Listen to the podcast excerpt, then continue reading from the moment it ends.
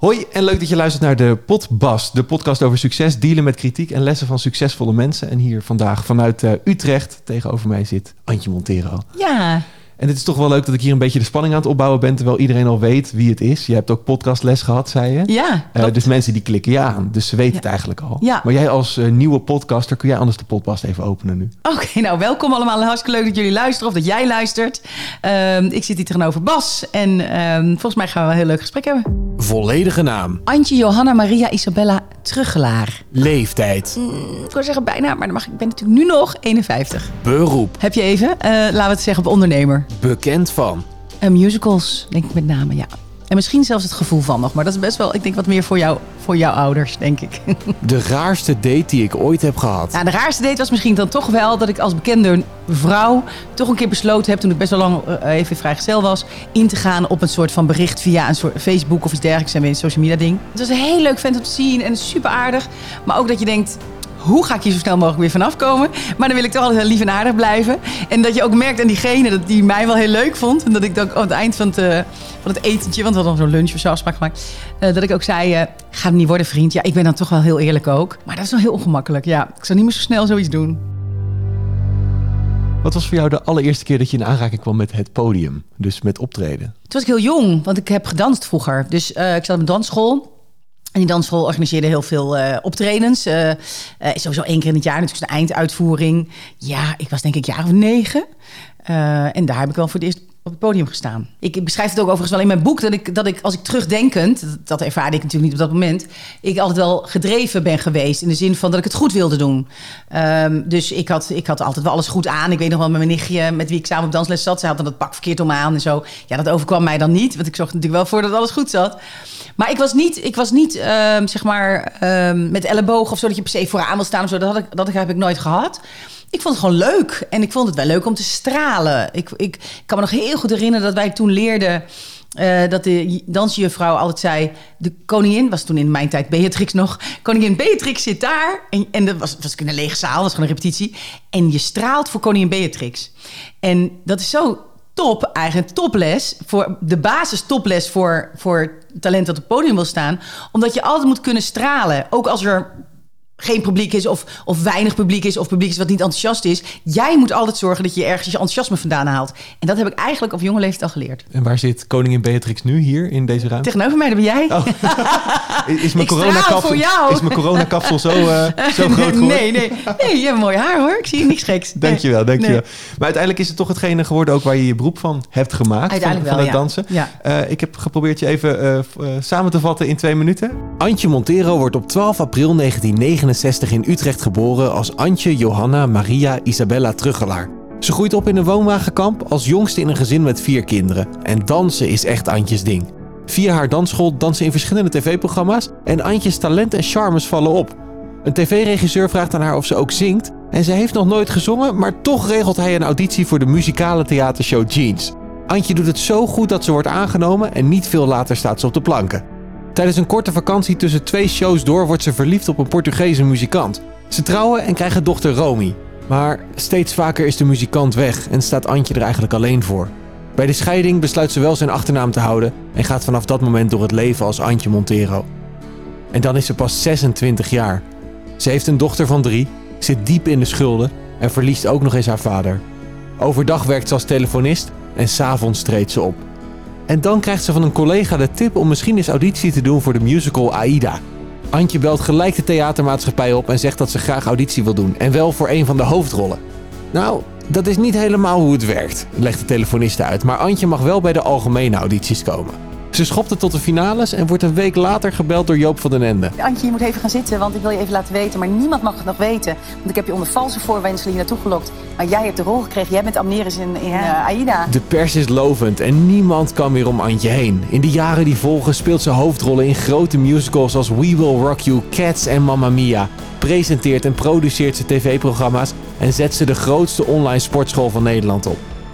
Voor iemand die als meisje dacht dat huisvrouw worden en zes kinderen krijgen haar enige toekomst was, heeft ze het ver geschopt.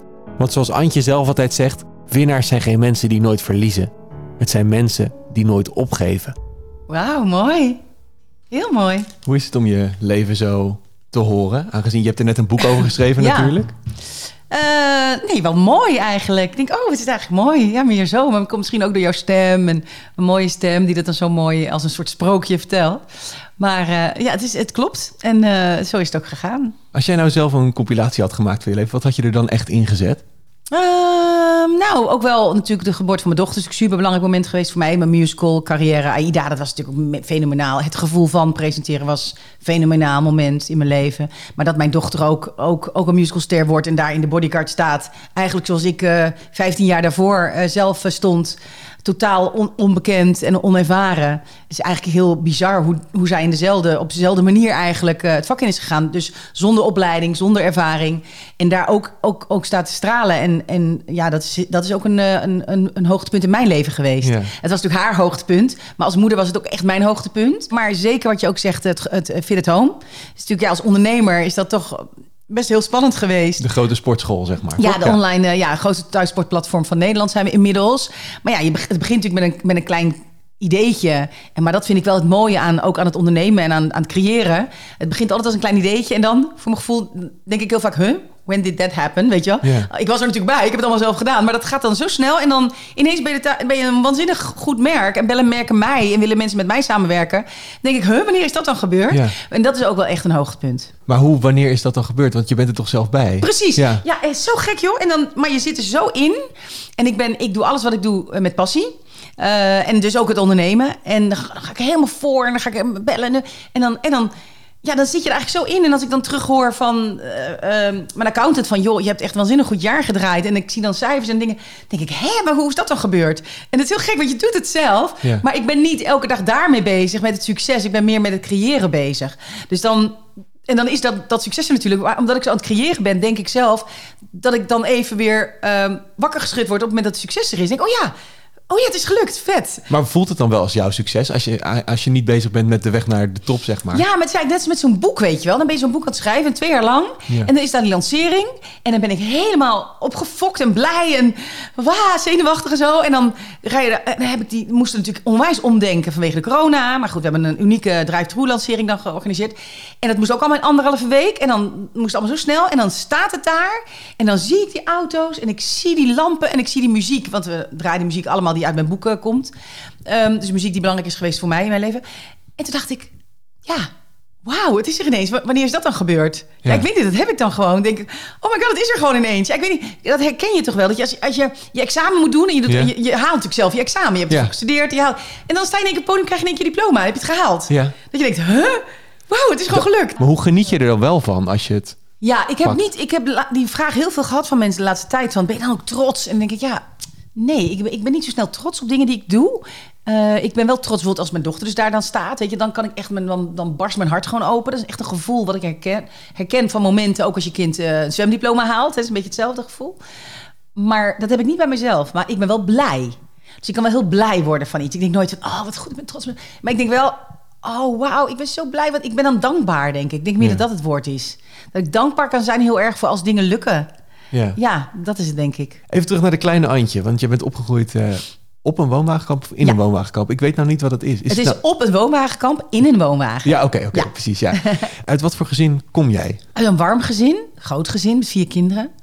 Uh, en ja, er waren ook altijd vriendjes, vriendinnetjes, neefjes, nichtjes, ooms, tantes. Iedereen kwam, de deur stond altijd open. Uh, mijn moeder kookte altijd voor meerdere personen, weet je wel. Iedereen was welkom. Warm, warm en liefdevol. Ik kan niet anders zeggen.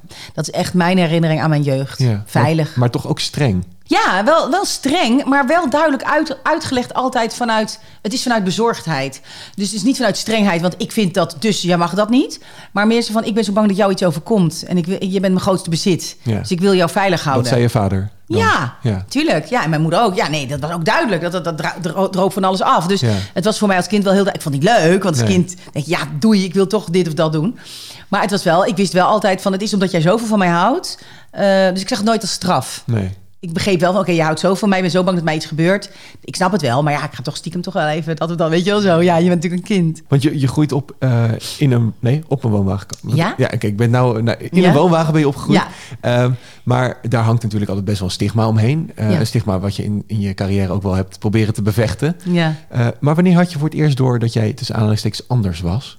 Dat jij van een, van een kamp kwam? Ja, dat was echt op de lagere school wel. Het laatste klas van de lagere school, dat ik uh, toen ging ik niet mee op schoolkamp. Uh, omdat ik gewoon lekker liever bij mijn ouders thuis was. En toen kwam ik terug uh, op school na die week, waarbij al die vriendinnetjes natuurlijk wel op schoolkamp waren geweest. En die liepen weg op het schoolplein, die gingen met elkaar smoezen en giechelen en wegrennen van mij en wilden niet meer met me spelen. En ik was helemaal totaal in shock. Dus ik ben toen naar huis gegaan, gezegd dat ik niet lekker was.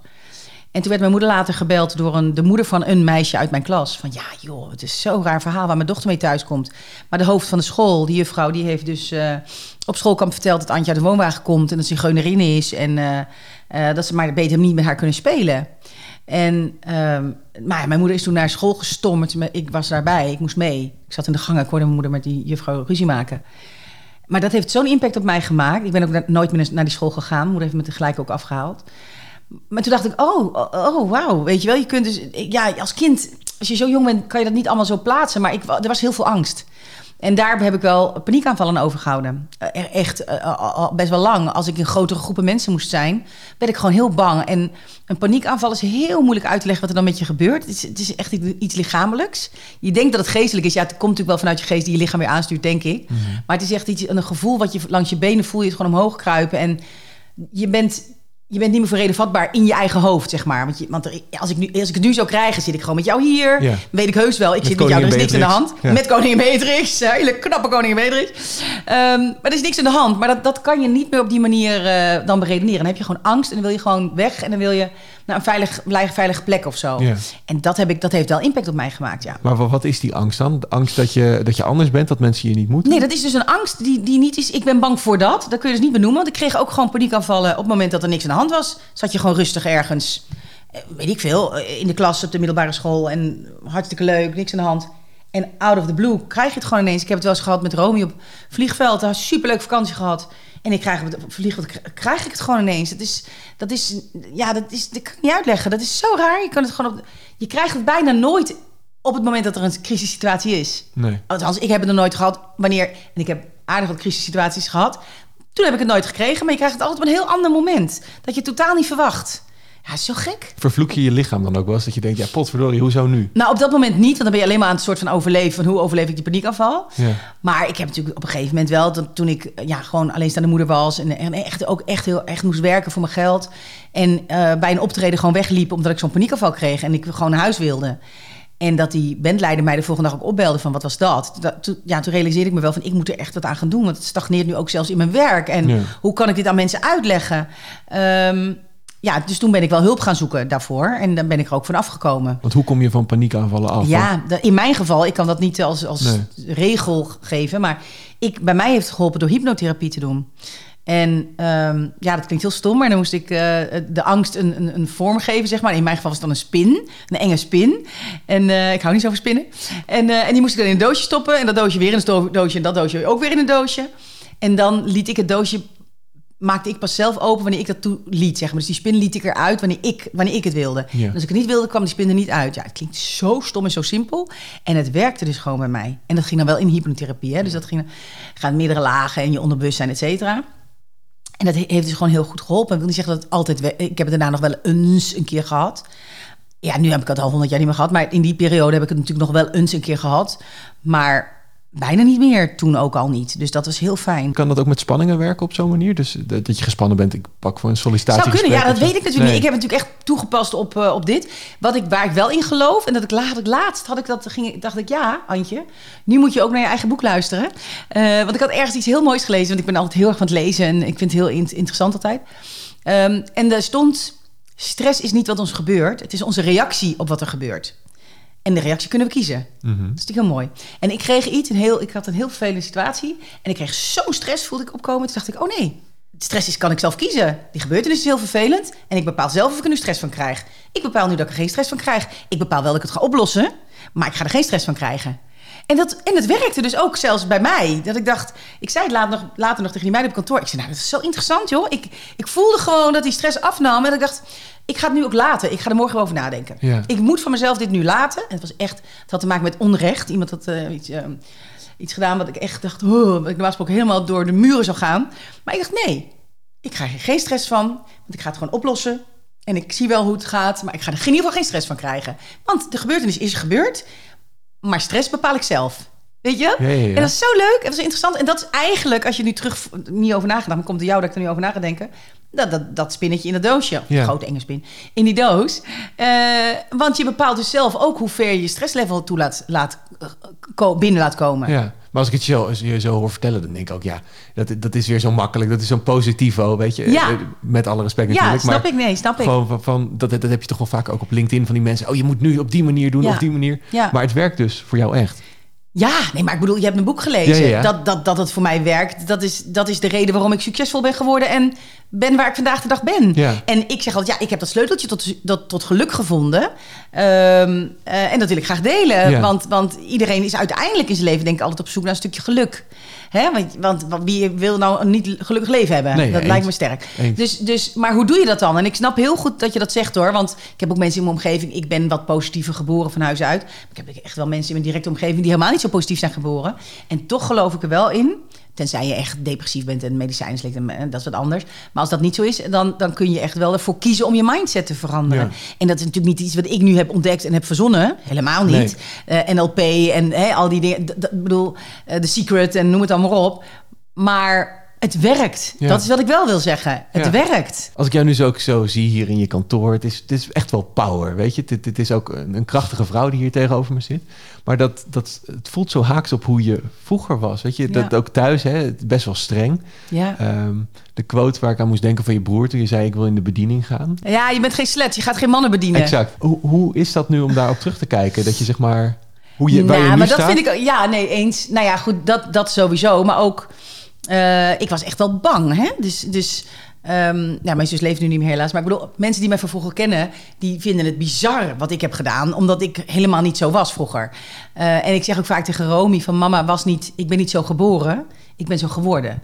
Uh, en dat is wat het is. En ja, ik heb er uiteindelijk op een gegeven moment... door alle dingen die ik meemaakte in mijn leven... die dan ook in het boek staan beschreven... heb ik, heb ik gewoon uiteindelijk gekozen om een weg in te slaan. Om te zeggen, ik ben geen slachtoffer. Ik weiger slachtoffer te zijn. En als je dat doet, dan sta je natuurlijk al in je kracht. Ja. Snap je? En uiteindelijk, ik heb ook wel gemerkt... ik heb zoveel dingen meegemaakt... die allemaal ook niet in mijn boek staan. Dan wordt een boek van 100, 100 jaar.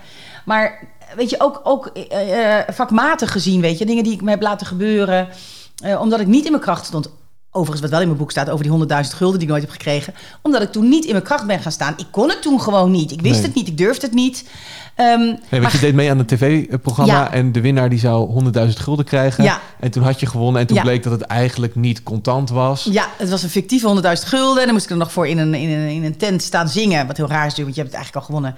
Moest je er nog voor werken. En die tent ging, ging, ging ik doen, maar toen ging die tent ook nog eens dicht. En ik heb natuurlijk die producenten wel op aangesproken. En die was eigenlijk not amused. En die zei, als jij, uh, ik wil het wel afkopen met 100.000 gulden... maar dan uh, gaan de deuren in showbizland uh, voor jou dicht. Ja, ja dat, dat, dat, dat durfde ik gewoon niet. Ja, en de, de, grote machtige mannen in de wereld, in de televisiewereld in Nederland. Mm ja, daar durf ik natuurlijk niet tegen. Wie was ik? Een meisje uit een woonwagentje. En dan moest ik dan tegen opgebokt. Ja, dat durfde ik. Kijk, nu wel.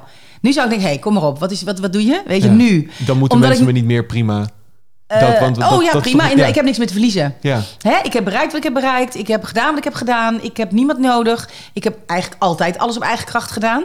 Maar dat wist ik toen nog niet. Toen wist ik niet dat ik op eigen kracht dat kon. Want het was nog niet gebeurd. Nee. En uh, ja, je... je, je dat, en da, dat is ook precies exact goed dat je het aanstipt. De reden van het boek ook. Dat ik mensen wil laten weten van... ook al word je niet zo geboren je kunt echt wel zo worden. En het heeft echt te maken met keuzes maken en een mindset. Dus je maakt eerst de keuze, ik wil mijn mindset veranderen. En dan ga je vervolgens je mindset veranderen. Ja. Maar wat je zegt ook met, met de, uh, wat die man zei tegen je, van als je nu, ik kan je die 100.000 uh, gulden geven, prima. 10.000 gulden, ja. Tiende, uh, sorry, ja, 100.000 gulden gelijk ja gezegd. Ja, ja precies. Ja. die 10.000 gulden, een nulletje. Ja. maar die 10.000 gulden, die kan ik je geven, maar dan is het klaar voor ja. je.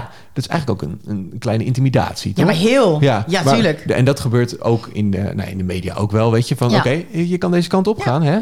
Uh, maar jij wilt toch bij de radio? Weet je, of jij wilt toch dit? Hoe kun je daar het beste mee omgaan als jonge carrièremaker? Ja, moeilijk hè? Ja, dat is ook, dat snap ik. Kijk, um, het enige wat ik daarop kan zeggen, nou is elke situatie ook weer anders, is wel ga uit van je eigen kracht. Weet je wel? Dus als je, als je echt talentvol bent... en je wil, eh, dit voorbeeld wat jij geeft, je wil bij de radio... en ik wil radiomaker worden... en je gelooft echt in je eigen talent... dan zullen er altijd wegen zijn. En dan meneer of Pietje Puk zegt uh, dat tegen jou van... ja, maar dan moet je... dan ga je niet met Pietje Puk, maar dan ga je ergens anders heen. En dan kom je er echt wel. Je moet wel geloven in je eigen kracht. En... Um, dit, dit heeft ook heel gemaakt, dat, niet in mijn situatie zo, zodanig in deze situatie hoor, maar met hashtag MeToo en zo, weet je wel. Je, je, je moet nooit iets doen wat tegen je gevoel ingaat. Nee. Dat is denk ik, als je trouw blijft aan je eigen gevoel, Ehm, als jij denkt, dit hoort niet bij mij, dit past niet bij mij, doe het dan gewoon niet. Nee, ook al is de prijs nog zo groot. Ja, en uiteindelijk is je, ik bedoel, eh, dan maak je van dit jaar geen radio, maar dan maak je het misschien over twee jaar wel. Ja. Snap je? Want die putje, Pietje of Pukje die daar zit, dat wist ik toen allemaal niet. Die gaat ook een keer weg, want die zit dan weer bij die radiostation of die gaat in alles. Snap je wat ik bedoel? Als je jong bent, denk je echt. Ik heb het nu ook wel met mijn dochter gesprek over. Want dan denk je echt van: oh ja, maar dat is, maar dat is natuurlijk niet waar. Die mensen gaan ook weer weg en die hebben ook wel andere levens. En dan ga jij weer op die plek. En zo blijft het gaan. En blijf trouw aan jezelf en blijf altijd leren. Wees een spons, zuig op. En uh, ja, dan. Als je echt talentvol bent, dan geloof ik toch wel in dat die, dat die kans wel weer komt. Maar hoe weet je dat je talentvol bent? Um, ja, toch wel door je omgeving, denk ik. Ja ja, ik denk toch echt door je omgeving. Als je omgeving, eh, als dingen. Kijk, als jij zanger wil worden. Ja, mijn, even nou over mijn vak beginnen. Mhm. Als je zanger wil worden, maar je wordt geen enkele auditie aangenomen. Ja, dan moet je op een gegeven moment wel afvragen van ja, hmm, weet je wel, je moet wel ergens op een gegeven moment, je gaat op zangles en vraag aan je zanglesjuffrouw van ben ik een goede zanger? Als je radiomaker bent, ga een cursus doen en kijk wat ze daar zeggen. Hè? Of ben je actrice, ga een cursus, toneelschool, weet ik veel, les, heb ik talent? Die, die mensen gaan het echt wel eerlijk zeggen tegen je. Hè? Dus uh, ga wel eerst op zoek. En als mensen zeggen, joh, jij hebt echt wel talent maar je moet nog even dit of dat. Ja, neem die stappen dan ook. Dat vond ik ook wel fascinerend in je boek. Je hebt audities gedaan, onder andere nou, voor, voor Jeans, dit muzikale ja. uh, theaterspektakel. Um, maar je hebt nooit een les gehad in, in iets wat je ging doen. Ja, later wel natuurlijk. Ja, maar precies. Uh, je ging er maar gewoon heen en je dacht, joh, het is prima. Ik, ik ga gewoon voor de ervaring. Toch? Ja, exact. Ja. En, en Kun je me eens meenemen naar die allereerste auditie voor jeans bijvoorbeeld? Je, je liep daar binnen. Ik weet nog wat ik aan had überhaupt. Bizar, hè? Ja. wat was ik zie me dat nog wel. Ik zit een spijkerbroek, als het oversized, hè, in die tijd. uh, eind jaren tachtig. Een, een, een, een, uh, een witte uh, blouse met een, een groene blazer van mijn zus... met schoudervullingen erin, had ik van mijn zus geleend. En een stropdasje. Ja, dat was toen helemaal hip en happening. En ik zong Pulse Singer. En ik had nog nooit gezongen. Dus ik dacht echt, nou ja, whatever. Ik vond het super spannend. Ik vond het heel, vooral heel erg gênant. Ehm, maar wat, weet je wat leuk is als je niet bekend bent en je hebt nog niks gepresteerd, dan ben je eigenlijk heel onbevangen. Snap je? Mhm. Dat was bij, bij AIDA ook. Als ik nu vergelijk de auditie van AIDA of met Mamma Mia, dat is een wereld van verschil. Omdat ik daar was ik zo onbevangen. Ik, ja, je gaat er gewoon naartoe, je weet, het, je weet het allemaal niet. Dus je gaat maar wat doen. Uh, en later, dan wordt de druk veel groter. Want dan verwachten ze heel veel van jou. Want iedereen weet wie je bent. Ja. Dat is veel, dat is heel lastig. Terwijl jij bent dezelfde persoon. Met hetzelfde talent. Ja, Willemijn van Kijk zei dat ook in de potbas. Die zei, soms wil ik wel eens dat ik gewoon ergens binnenkom... en dat ze niet denken, daar is Willemijn, maar ga maar gewoon zingen. Ja, doe, het maar. Dan ben je veel meer onbevangen. Ja. ja, nee, natuurlijk. Dat is heel herkenbaar. Maar ben je daar ook nu heel erg mee bezig als je zo'n auditie binnenstapt... dat je denkt, ja, wat, wat zullen ze wel niet van me denken? Of ik ben Antje en kijk, ze weten wat ik heb gedaan... Nou, nu op deze leeftijd, nu ik de 50 echt wel heb gepasseerd, de, uh, denk ik dat niet meer. Nu denk ik echt van, uh, ik, ben, ik, de, ik denk niet meer voor andere mensen. Ik ben gestopt om in te vullen wat andere mensen denken. Dat is zo fijn, dat raad ik iedereen aan. Ik denk dat het heel logisch is als je het niet kan nog, maar het is wel heel bevrijdend. Want je gaat constant invullen voor een ander. Oh, die zal wel denken, uh, denkt zij dat ze kan zingen? Of oh, denkt zij even dat ze de rol krijgt? Of oh, haar haar is stom? Of uh, weet ik, kan mij het schelen wat. Um, dat is heel stom. Want het is totale verspilde energie natuurlijk. Want ik weet helemaal niet wat jij denkt als je mij ziet. Kan, kan ik gewoon niet weten.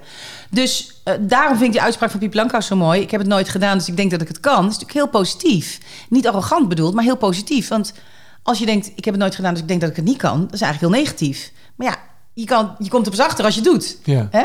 En beide is goed of zo. Dus uh, ik, heb, ik heb dat nu niet meer. Maar het is, ja, auditie doen, het blijft altijd wel heel erg spannend. Ja. Ik ben meer bang dat ik dan mijn tekst niet meer weet of zo. Daar, daar, dat vind ik dan wel uh, lastig voor mezelf. Of dat je in één keer natuurlijk die hoge noot niet haalt. Of nee. uh, dat, het blijft natuurlijk altijd gewoon heel gênant. Vooral omdat je die mensen inmiddels achter die tafels heel goed kent. Maar die eerste auditie, jij gaat er op een gegeven moment voor die tafel staan. Tenminste, ik ga me ervan uit ja. dat dat zo is. Ja. Er zitten allemaal mensen die jij niet kent. Die kijken jou heel streng aan, waarschijnlijk. Ga maar staan, ga maar zingen. Ja. Hoe, hoe, wat gaat er op zo'n moment door je hoofd heen? Ik ga dan toch wel in mijn focusmodus, denk ik.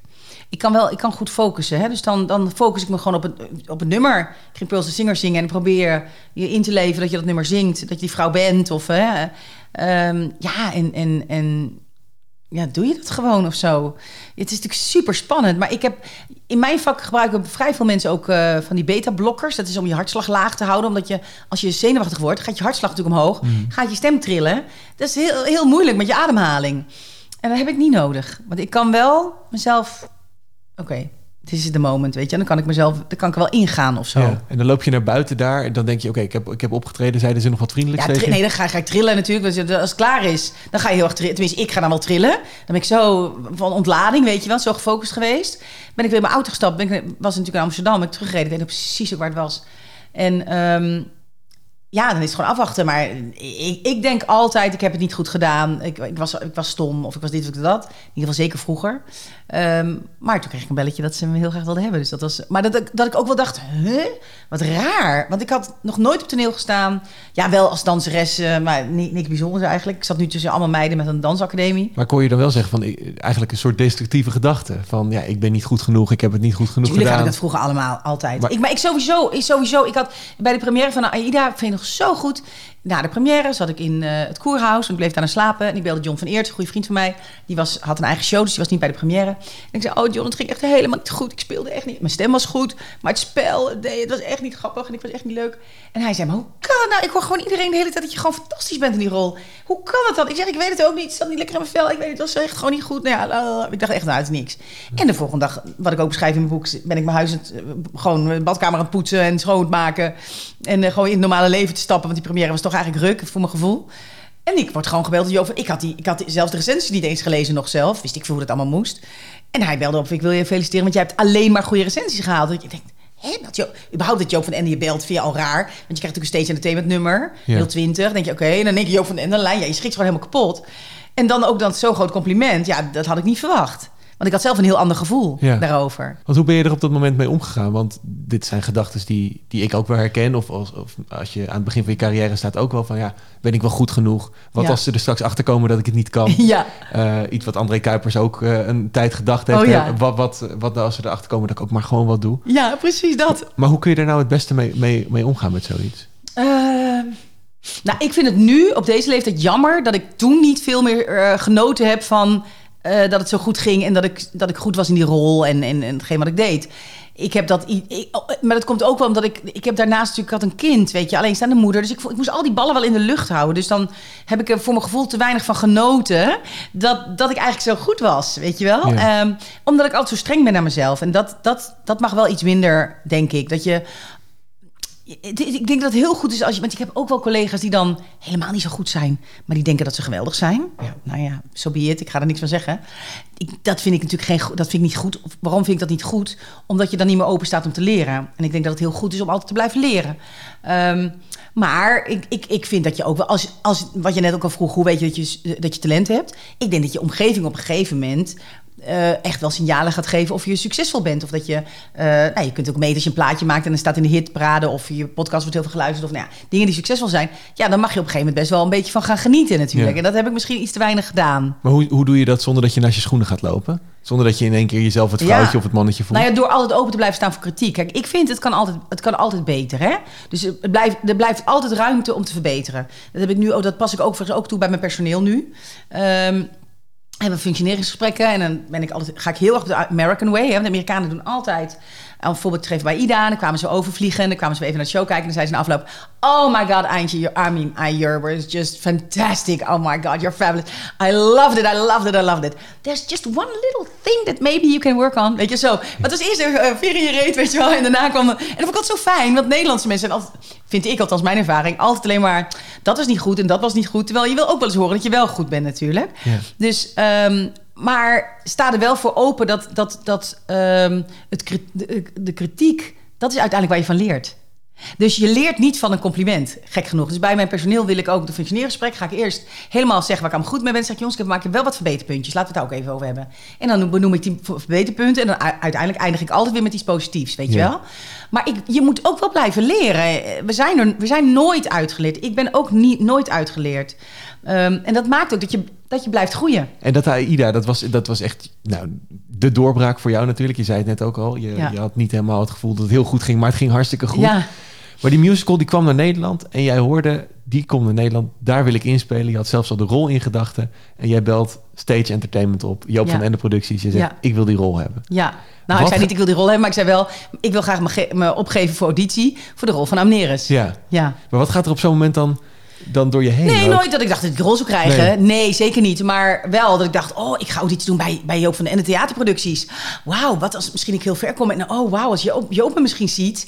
Nou, misschien komt er ooit wel eens in de toekomst een rol dat hij misschien aan mij denkt. Je, meer, echt meer zo, letterlijk. Ja. En als je dan ronde naar ronde verder komt en je ziet ook het was heel raar voor mij ook. Want niet zozeer vanwege de zang. Want ik, ik heb wel een sterke zangstem, dat weet ik. En ik wist ook dat ik dat goed kon zingen, het materiaal. Ik had alleen nooit geacteerd. En het was een grote acteerrol.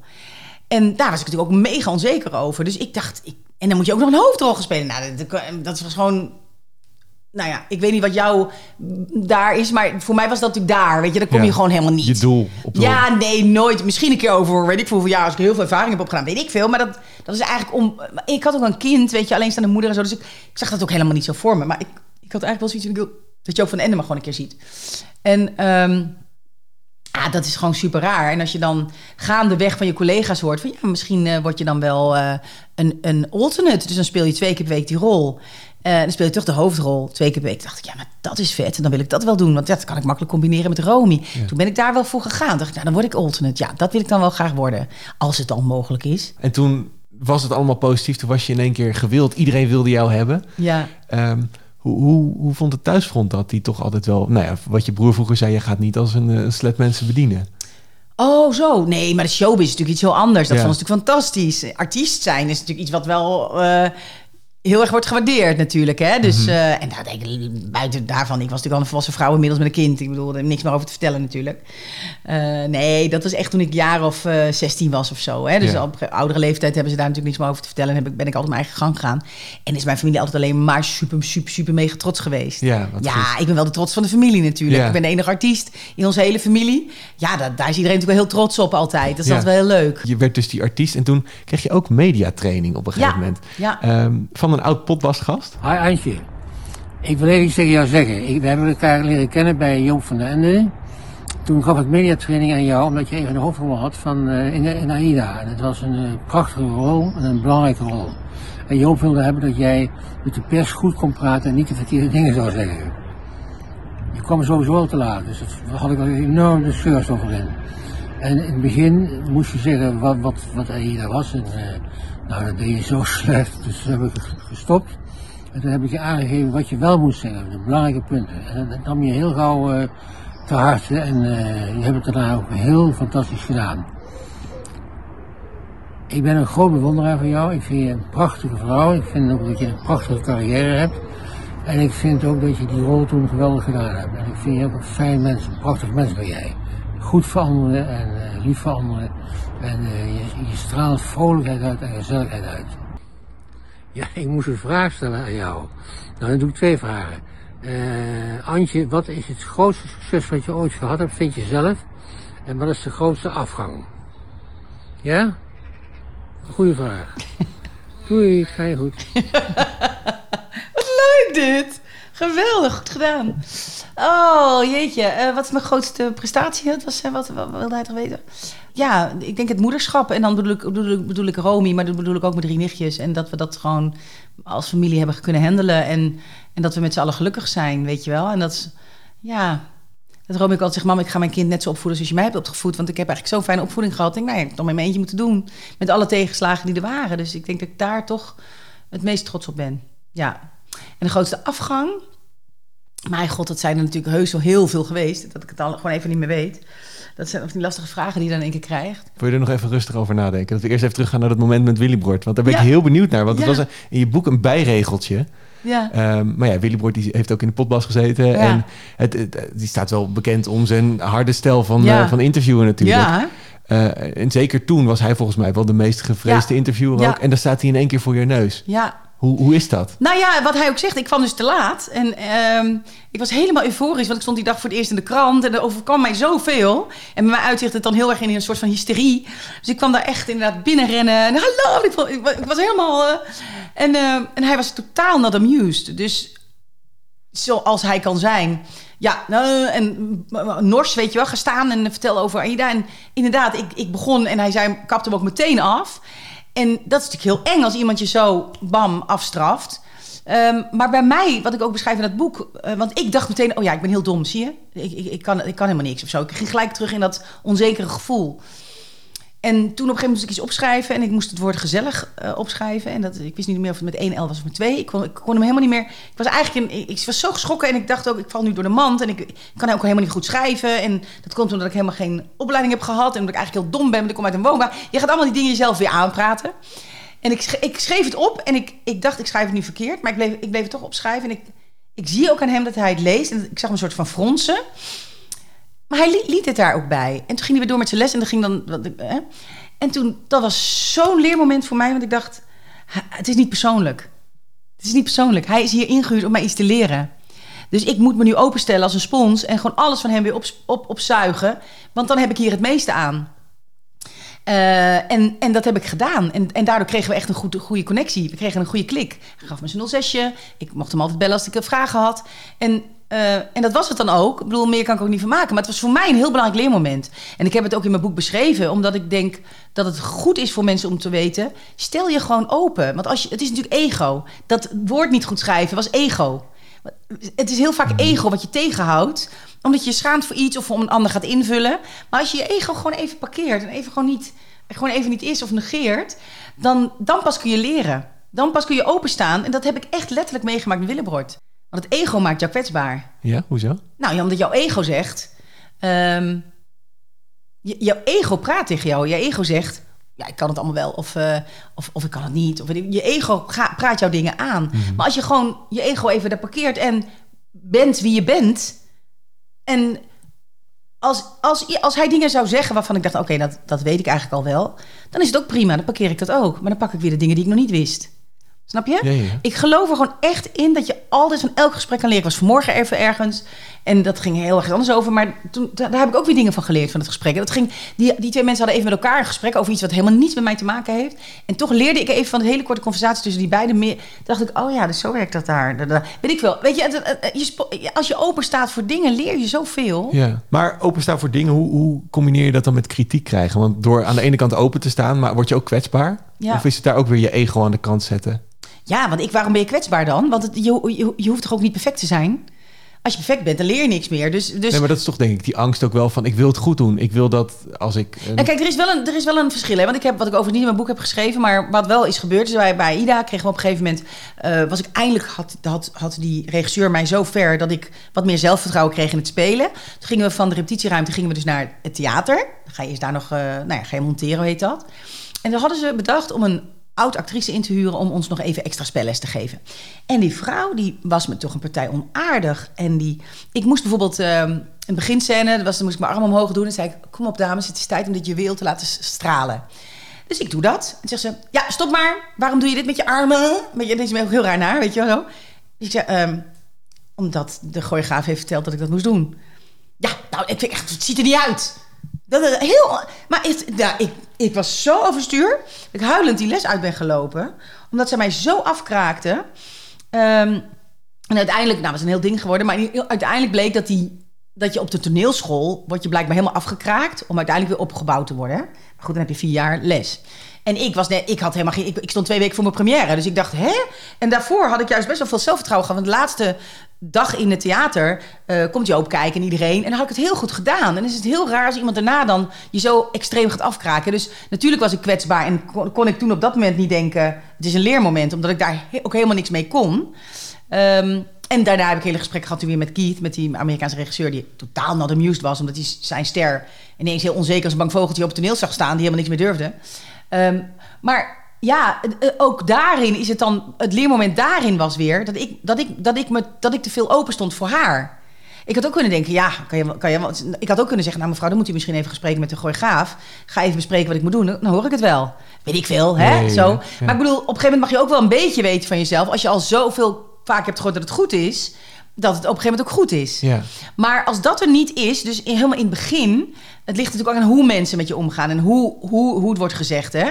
Maar als je, ja, als je wil leren, moet je, moet je eigenlijk echt je ego opzij zetten en openstaan voor dingen. En ga er s'avonds dan over nadenken en denken van oké, dat vind ik eigenlijk bullshit, laat ik gaan. dat is wel interessant, dat, dat pak ik wel op. En hoe, hoe ga je dan om met kritiek ook hiermee? Is dat ook van dat vind ik interessant en dat, dat pak ik op? Ja, ik vind kritiek altijd heel fijn. Ik vind het, ik vind het misschien een beetje raar hoor, maar ik vind het heel irritant als mensen zeggen: Oh, het is fantastisch. Terwijl ik zelf weet dat het helemaal niet zo fantastisch was. Ja. Dan denk ik, nou, Weet je, of uh, ik, weet niet. Ik, ik heb liever, ik wil, ik wil gewoon dat dingen heel goed gaan. En ik focus me ook eigenlijk altijd dan op. Ja, het is heel gek, want ik ben heel positief. Maar ik focus me eerder op dingen die niet goed zijn gegaan, omdat ik dan denk dat kan ik verbeteren. Ja. En ik wil, ik wil die verbeterpunten wil ik verbeteren. Dus ik concentreer me meer op verbeterpunten. Um, dus ja, ik vind kritiek nooit zo heel erg. Het is natuurlijk niet leuk als je leest op, op Instagram of weet ik wat, social media, kritieke dingen. Uh, weet je, daar heb ik het natuurlijk niet echt over. Want iedereen heeft een mening, daar heb ik het echt niet over. Maar ik bedoel, als je echt in een soort learning process zit, hè, dat, die kritiek, dat, is, dat is natuurlijk wel heel interessant. En hoe zou je daar als jonge carrièremaker het best mee om kunnen gaan? Ja, nou, ga daarover nadenken. Gooi het niet zomaar opzij. Want als je, als je het zomaar opzij wuift en denkt, ik ben er al, of, dan kom je er niet ben ik van overtuigd. Ga wel aan de slag met die kritiek. Wat, wat, wat kan ik daarmee? Waarom zou diegene dat gezegd hebben? Waar komt het vandaan? Wat kan ik zelf daarmee? Uh, herken ik het? Ik herken het eigenlijk niet. Als je het niet herkent, zou je er ook nog een gesprek over aan kunnen gaan. Dan kun je zeggen, joh, jij zei gisteren tegen mij uh, dit en dat en zo. Maar ik, ik herken me er helemaal niet in. Dus kun je het verder uit, kan je het nog eens een keer toelichten of iets dergelijks. Weet je? Dat je er, ik vind een leermoment altijd heel belangrijk hoor. Ja, ja ik vond het fijn, ook, ook bij Mamma Mia. Weet je, ik kreeg altijd eh, je krijgt altijd in de musical elke dag zeg maar, van een resident director, uh, regisseur, krijg je gewoon notes. En ik vond het heel fijn, want zij zijn mijn spiegel. Ik sta op toneel, ik weet niet hoe het overkomt als ik iets te veel naar links sta of iets te grote gebaren maak met mijn armen of weet je wel, ik weet het niet. Ik doe altijd mijn best. Dus jij bent mijn spiegel. En natuurlijk is het lekker als mensen zeggen: Jezus, wat een fantastische hoge nooit uh, zong je weer. Of wat was die weer spatzuiver? Dat is natuurlijk lekker. Maar eigenlijk diep in je hart weet je dat al wel dat die spatzuiver was. Want die hoort het zelf natuurlijk ook. Uh, maar ik vind het altijd fijner als mensen zeggen: joh. Uh, dat, dat stukje, vooral met acteren, waar ik nog heel veel in kan mhm. leren, vind ik het altijd wel heel fijn om feedback te krijgen. Begeleid jij jong talent ook? Nee, nee? eigenlijk niet. Geen jonge musical, ja, Romy? Ja, nee, natuurlijk, mijn kind. Nee, nee natuurlijk. Um, nee, eigenlijk niet. Ja, ook, ook, ook, ook, ik, ik, vind, ik, ik, denk dat we ook ouder worden om überhaupt kennis over te dragen. Dus kennisoverdracht is, is belangrijk. Um, want die kennis vergaar je. En hoe leuk is het om dat weer over te dragen? Um, en dat probeer ik eigenlijk ook door, door mijn boek te doen. Uh, mijn kennis van het leven wil ik overdragen. Maar uh, jong talent begeleiden. Ik heb natuurlijk twee bedrijven. Uh, en ik ben nog eens een keer zangeres. En ik ben ook eens moeder. En ook eigenlijk oma van natuurlijk een klein kind dat erbij is gekomen. Dus ik ben best druk. Dus dat zou ik helemaal geen tijd voor hebben. De eerste keer dat jou gevraagd werd om mensen te inspireren, dacht je van waarom ik? Hallo? Nou ja, ik ben natuurlijk gewend om mensen te inspireren met mijn stem. Of met een mooie rol die ik speel. Maar niet met mijn eigen verhaal. Dat is daarom vond ik dat best wel een gekke vraag. Ja. En toen bleek dat, het, dat ik blijkbaar mensen wel kan inspireren met mijn verhaal. Toen dacht ik, oh wauw, maar goed. Dan kan ik dat gewoon vertellen, want hoe makkelijk is het? Ik hoef er niks voor te doen. Maar dat was bij een congres? Uh, ja, kwam gewoon iemand bij je toe? Ja. En die, die zei van, joh, zou je je verhaal willen vertellen om mensen te inspireren? Ja. Jij dacht, waarom ik? Ja. Uh, en toen uiteindelijk werd je geïnterviewd daar op het podium. Ja, was mijn zakelijke mentor. En die kent mij natuurlijk wel een beetje. Dus die vond vooral interessant... en dat is denk ik ook een beetje voor jouw podcast wel leuk... die vond vooral interessant van hoe heb jij jezelf gemotiveerd met jouw afkomst... waarin totaal niet wordt gestimuleerd om, om carrière te maken. Hoe heb je je dan zelf gestimuleerd? En ook als je ook nog in een situatie terechtkomt waarin ik terecht kwam, dat je alleenstaande moeder wordt en geen geld hebt en et cetera. Hoe heb je jezelf dan gestimuleerd om überhaupt carrière te maken en jezelf te blijven ontwikkelen? Vooral die. En dat is wat hij heel interessant vond daaraan. En dat wilde hij graag. En toen dacht ik, ja, maar dat is toch helemaal niet interessant. En toen, bleek, toen ging, ik, ging hij mij interviewen. En toen bleek dat dus wel heel interessant te zijn voor de vrouwen in de zaal. Ja, weet je wat ook interessant is? Mensen stellen me vraag, waar wil je over vijf jaar zijn? Dan krijg ik wel, zeg ik, ik heb geen idee. Het, mijn leven loopt zo anders dan ik uh, denk. Ik denk, eh, aan de andere kant, je kon je net zeggen in jouw introductie, Antje dacht uh, huisvrouw met zes kinderen. Ik heb nu zes kinderen, want ik heb mijn eigen dochter, de drie kinderen van mijn zus en de twee kinderen van mijn partner erbij. Dus ik, heb, zit met zes kinderen aan tafel. Dus be careful what you wish for. je krijgt het uiteindelijk dan toch. Uh, dus dat is echt fantastisch hoe dat dan in het leven kan lopen. Maar um, ja, ik weet het niet. Ik vind het juist zo leuk dat, dat het leven zo onvoorspelbaar is. En dat ik helemaal niet weet. Als jij mij twee jaar geleden had gevraagd, voordat ik met het boek begon, voor die secretaressendag, ja. ga je ooit een boek schrijven? Dan ik een boek schrijven, waar, moet, waar, waar, waarvoor dat dan? Weet je zo? Mhm. en dat vind ik juist zo heel leuk. Dus ik, ik uh, openstaan voor mogelijkheden ook vooral. Ja. ja, kansen pakken. Nou, ik sluit de potbas dus eigenlijk altijd af met de potbas sticker met de vraag waar ga je hem plakken? Oh, wat leuk. God, je hebt allemaal moeilijke vragen waar ik er niet op kan komen. Ja, wat moet je hier nou met zo'n sticker doen? Wat zou ik er eens opplakken? Misschien een agenda of zo? Ik heb Is dat een goede plek? Ja, in de agenda kan ik af en toe nog naar kijken. Denk, oh ja, die dag hebben we dat gedaan. Precies. Toen ik Bas ontmoet. Precies, koningin ja, Beatrix. Koningin Beatrix. nee, leuk, dankjewel. Superleuk. Als ik jou vraag, hoe word je succesvol? Wat zou je zeggen? Um, focus. Focus en uh, En, en door. Wauw, mooi. Toch, toch even het boek erin gesneakt natuurlijk. Hè? Heel goed, heel goed. Ja. En wat ik me eigenlijk nog afvroeg, stel dat je de jonge Antje van vroeger zou spreken. Sorry, Willebroord heeft me goed geleerd, zie je? Ja, heel ja, goed. Ja, goed. Heel goed. Lessen van Willebroord. Ja, Gewoon duidelijk, krachtig. nou ja, en je boodschap is, is, ik ga natuurlijk ook over mijn boek. Dus dan leer je altijd, daar moest ik nu niet aan denken, maar dat zit zo bij mij ingebakken. Um, dat is toch echt dankzij Willebroord. Oh, dus Willebroord heeft jou geleerd, je moet overal een beetje dat boek droppen dan? Nou, niet het boek, maar wel in de musical Aida. Hè, was natuurlijk de boodschap. Waar ze je ook over interviewen, ga terug altijd naar Aida. Ja. Dus als ze vragen, want dat was zijn vraag bijvoorbeeld, uh, uh, ga je graag met je kinderen naar de, dierentuin? Dus ik zei... Uh, uh, ja, nou, ik vind het altijd wel zielig hoor, dieren in een kooi. Of de... En op een gegeven moment zei hij, ja, totale bullshit dit. Wat, wat interesseert mij dat nou? En ik zeg, ja, je stelt me toch een vraag? Nee, jij moet zeggen, nou weet je, ik heb zo weinig tijd om naar de dierentuin te gaan. Ik sta natuurlijk elke avond in de musical Aida. Ja. Snap je? Dan maak je weer gelijk een haakje naar musical. En dat moet je doen, want jij zit hier om die musical te promoten. Nou, dat is dus wat je meeneemt als je mediatraining krijgt. Eh, je, je, ik zit hier nu om jou gezellig te kletsen, maar ja, we hebben het ook natuurlijk over mijn boek, dus de rode draad. Dus ik dacht, er, het ging vanzelf, maar ik dacht, en ik meen het ook echt. En door is de titel van mijn boek, omdat dat is, iets is wat mij succesvol heeft gemaakt. Ehm, dus ja, het sloeg ook echt op jouw vraag. Maar het is ook wel dat ik in één keer denk, oh ja, pling, dat is een Willebroer dingetje. Stel dat de jonge uh, Antje van vroeger naar jou toe komt, die net uh, die auditie misschien gaat doen, net uh, de eerste tv-optredens heeft. En die zou zeggen, hoe word ik zo succesvol als jij? met nog de, nou, toch wel een beetje bekrompen wereldbeeld wat er toen was. Ja, dan zou ik ook echt zeggen, focus. En, en gaan. En door. En door. Antje, ja. dankjewel. Graag gedaan. Nou, wij stonden op het punt om het gesprek af te sluiten toen we werden teruggefloten door Fleur van de redactie. Ja. En Fleur die zegt, jullie zijn nog een vraag vergeten. Ja. Je grootste afgang. afgang. Ja, afgang. Ja, nee, ik, ja, ik denk dan toch dat het is... Ik heb een keer een hele grote prestatieklus moeten doen, live, in een heel grote zaal. Heel veel mensen, echt honderden mensen. En um, die uh, organisatie had tegen mij gezegd: we willen. Dat was de opening, moest ik doen. En ik moest Guus, Guus Meeuwis aankondigen, die stond te wachten. En hij zei: Ja, we willen gewoon echt een leuke, spectaculaire opening met een goede babbel, et cetera, et cetera. Nou, dan bereid je je natuurlijk heel goed op voor. En ik stond klaar om op te gaan. En ze zeggen: Nou, go. En ik ik loop een trappetje op en het was pikdonker. En ik wil eigenlijk het podium oplopen. Maar er zat tussen het uh, trappetje en het podium zat er gewoon een, een, gat. Dus ik, ik ga met één been val ik natuurlijk in het gat. En ik klap met die microfoon zo, bom, gewoon helemaal plat op dat podium naar voren. Zo baf, je hoort ook heel hard baf. Ik, ik hoorde een schrikreactie in de zaal, maar je staat zo snel op. Ik weet begon niet hoe ik het gedaan heb. En ik sta heel snel op. En ik zeg, en ik, dat gaat zoveel, ik gaat zoveel in jou op. Ik zeg, nou, ze wilde graag een spectaculaire opening bij deze. Zei ik zo, weet je. Dus dan moest ik heel erg lachen, want ik stond natuurlijk heel erg verschut. En ik ben in één roes doorgegaan. Gelijk, bam, alsof het niet was gebeurd. In de, alsof ik geen pijn had. Ik voelde ook op dat moment helemaal niks. Uh, in mijn presentatie naar Guus Meeuwers toe. En ik kom af. En ik zit helemaal onder bloed, mijn knie helemaal kapot. Ja, maar dat merk je op dat moment helemaal niet. En Guus komt ook na afloop naartoe van... Jezus, dat ben je hard gevallen. Dat was zo gênant. Ja, ik was echt heel erg hard gevallen. En dat is, ja, weet je, het kan iedereen gebeuren. Maar dat is wel echt, dat vond ik wel echt... Dat ik dacht, wow, dit is zo gênant. Ik ga hem nog een keer afkondigen. Antje, dankjewel. Graag gedaan. Ja, dit was hem, de 34e potbast waarin ik heb verteld over mijn carrière. En ik hoop dat het heel inspirerend voor je was. Als je het een leuk gesprek vond, abonneer je dan even via je favoriete streamingdienst op de potbast.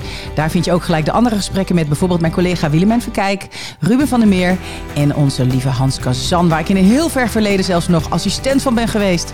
Het moet allemaal niet gekker worden. Dus als je in je Instagram story laat weten dat je dit gesprek hebt geluisterd en je tagt de radio meneer erin, dan maak je ook nog kans op de potbast sticker die ik net heb Um, ja, we hebben het er net al even over gehad. En dan ga ik me even helemaal op zijn Willybord uh, nog even promotie maken voor mijn boek. Mocht je nou nog meer inspiratie nodig hebben, www.antje.nl, bestel mijn boek en door. En als je er ook nog een leuk berichtje inzet, dan uh, zal ik hem voor je signeren. Dank jullie wel.